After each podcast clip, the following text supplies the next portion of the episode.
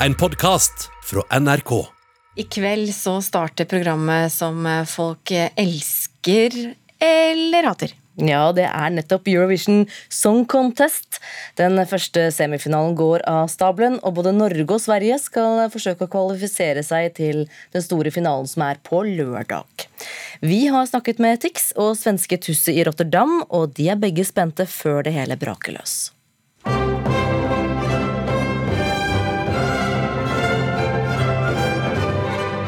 Er det atter den tiden av året hvor det drysser glitter og glans, pyro og paljetter over Europa. Eurovision Song Contest er i gang. I kveld skal både Norge og Sverige forsøke å kvalifisere seg til den store finalen. Norge stiller med Tix.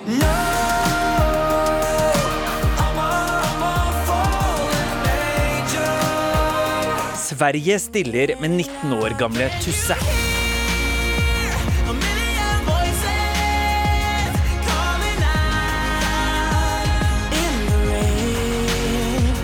Stemningen er god mellom de to rivalene. Sitt i karantene. Jeg har ikke gjort noe med Nei, nå glemte jeg teksten. Og Tix og Tusse hyller hverandre før det store semifinaleslaget. Jeg tror han har riktig gode sjanser. Jeg har kollet litt på nummeret og lyttet på låten og hvilke vocals han har. Det er farlig.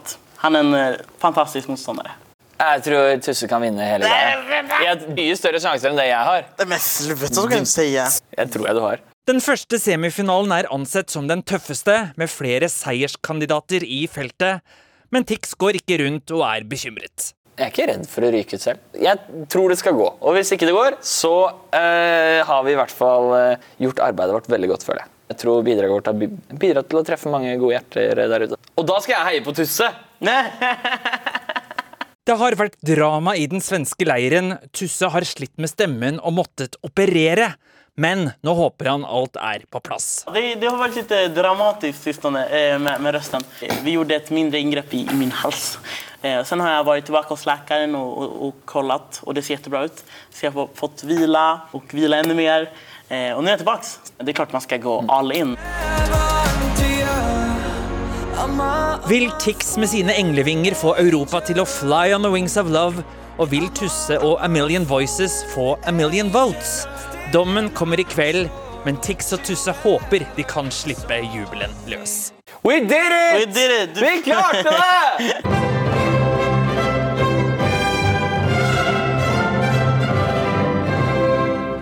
Ja, og Om de klarer det, det får vi vite i kveld. Sendingen starter klokka 21. Reporter her, det var Knut Øyvind Hagen. Jeg går for at Tix og Tusse blir en duo etter hvert. Ja. Det er et morsomt eh, navn. Anders Tangen, du er Melodi Grand Prix-ekspert. Jeg tipper du også er rimelig spent før Eurovision starter i kveld?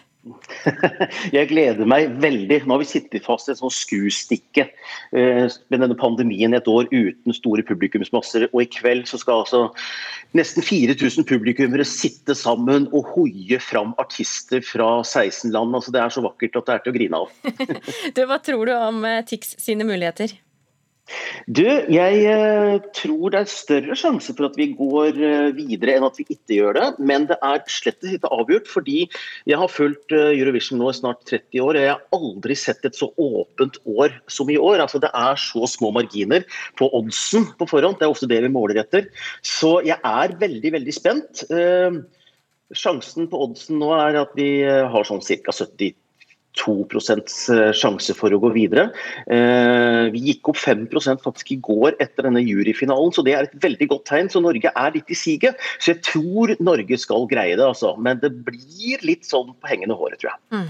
Vi har jo blitt litt kjent med Tusse denne morgenen også. Hva tror du om Sver- Sveriges eh, mulighet? Nei, eh, jeg har en sånn, litt sånn vag magefølelse på at Sverige kan gå på en smell i år, uten at jeg helt greier å forklare eh, hvorfor. Eh, det er veldig åpent, det er veldig jevnt på oddsen. Så jeg er blant de som faktisk tror at Belgia kan ta plassen til Sverige i år. Men jeg er ikke sikker på det heller. Jeg er ikke sikker på noen ting i år, og det er det som er veldig spennende også. Ja. Ja, hva, hva kan vi forvente oss av showet i dag, da? Ah, altså, eh, For å være kjedelig og litt sånn saklig, så kan du lære litt om hvit stemme. Det er altså en måte man synger på bl.a. i Ukraina. Eh, noen kommer til å få gnagsår i øra eh, av det, andre kommer til å elske det. Det er et sensasjonelt Eurovision-nummer. Og så får du selvfølgelig denne her, eh, balladen eh, fra Montenegro. Han står og gråter Nei, unnskyld. Eh, Nord-Makedonia. Nord-Makedonia. Han ser ut som han er på gråten, og uansett setning han synger altså Han kunne sunget om en uh, sånn fastnøkkelsett uh, som man skal stå og reparere, og grått av det. Ja, det er så dramatisk at det er bare herlig. Hva, hvem er din favoritt, da?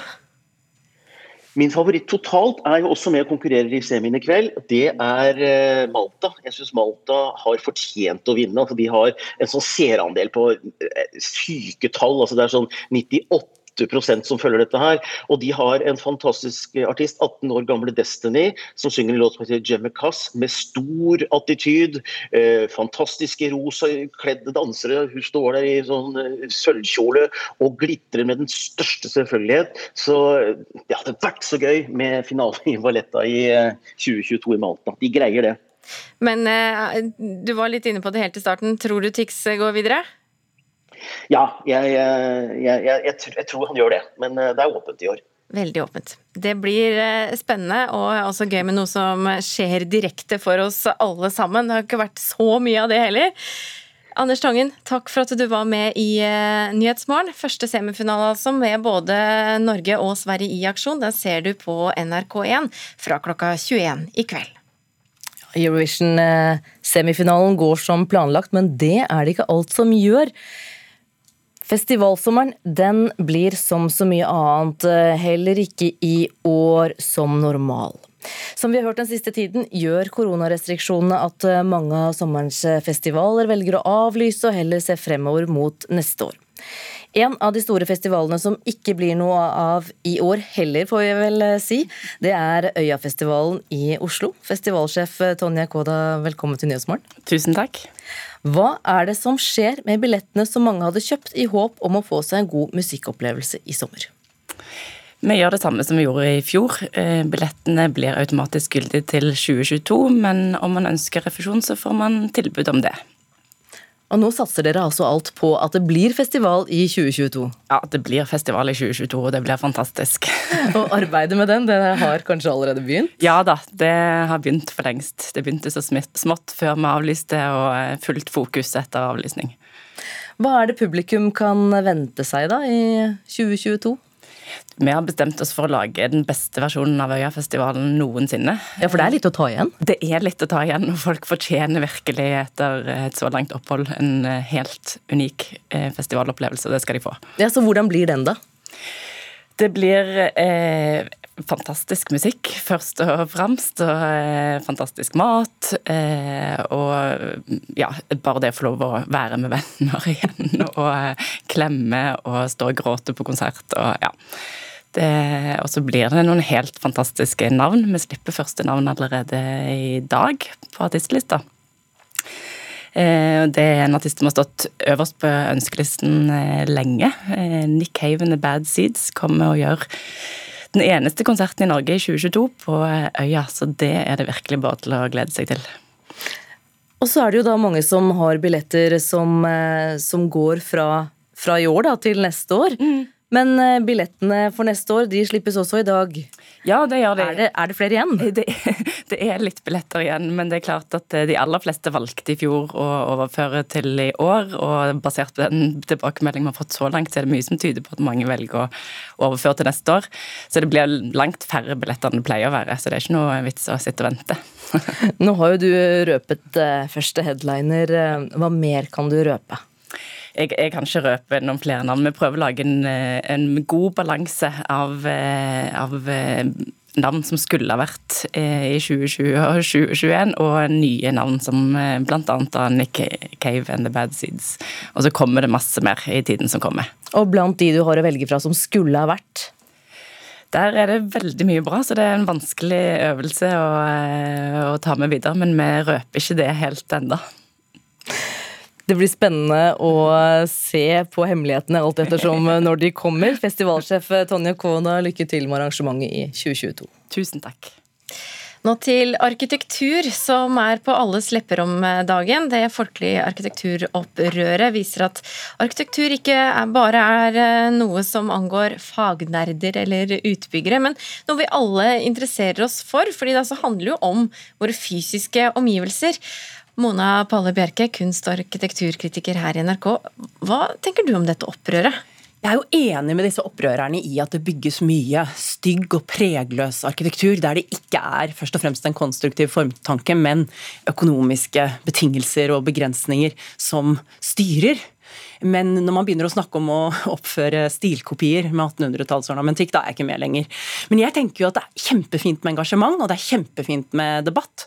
Og kanskje kan dette hjelpe oss til å bli mer oppmerksom på omgivelsene våre. Og så kan det hende at dette, denne debatten kan også få de sinteste opprørerne til å se at ikke all moderne og samtidig arkitektur er bare firkantede kasser. Ja, Men så er du også opptatt av Mona, at man heller ikke bare blindt og ukritisk skal omfavne alt som er tegna av en anerkjent eh, arkitekt. og Derfor så har du på nrk.no anmeldelser laga ei liste på tolv signalbygg som du ser på rett og slett med ganske så strengt blikk. Noen av bygga er du mer begeistra for eh, enn andre. Eh, hva slags bygg er det du har tatt med på denne lista? Ja, nei, Jeg har gått litt uærbødig til verks og har satt sinnene litt i kok på dette her. fordi F.eks. Snøhetta da, er jo et av våre mest liksom, bejublede og prisbelønte kontorer. Og jeg har da, foruten Operaen, som selvfølgelig de fleste av oss er enige om at det er et helt fantastisk bygg.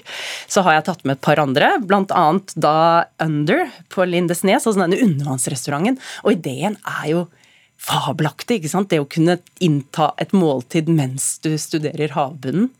Men jeg har da påpekt noen eh, formmessige svakheter ved dette bygget. Eh, Bl.a. at det da fra den ene siden ser ut som en togulykke, som jeg sier, hvor det ser ut som det er en sånn jernbanevogn som har sklidd ut i vannet. Men det er veldig mye vakrere fra den andre siden. Der er det liksom takvolumet sprer seg ut som en sånn sjøfuglvinge i betong. Så den, det, er, det er ikke bare negativt, altså. Men så har du tatt med det du kaller et skrekkeksempel. Hvilket er det?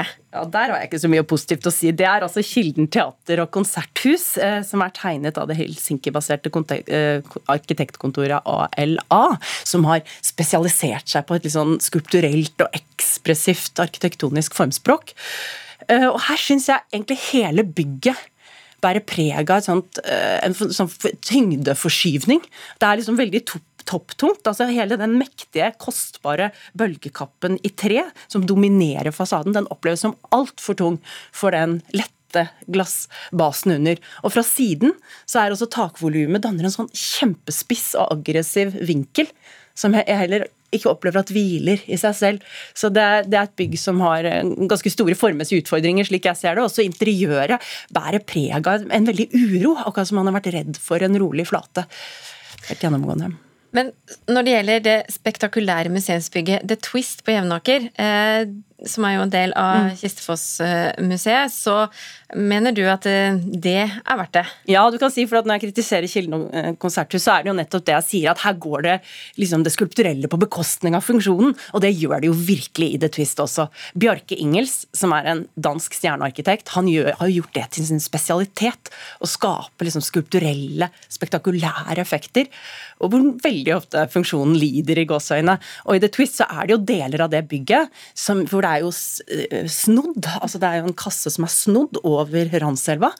Og det er jo deler av det som ikke er så godt å vise kunst i. Men det er en så stor kunstnerisk opplevelse i seg selv at her syns jeg vi kan liksom by på de kvadratmeterne for å få det, den fantastiske romopplevelsen. Mm. Og alle tar bilder og legger ut i sosiale medier når de har vært der. Ja, Og så kan dere altså lese eh, grundig analyse på nrk.no-anmeldelser, da. Takk skal du ha for at du kom i studio, Mona Balle Bjerke, kunst- og arkitekturkritiker her i NRK. Du har hørt en podkast fra NRK. Hør flere podkaster og din favorittkanal i appen NRK Radio.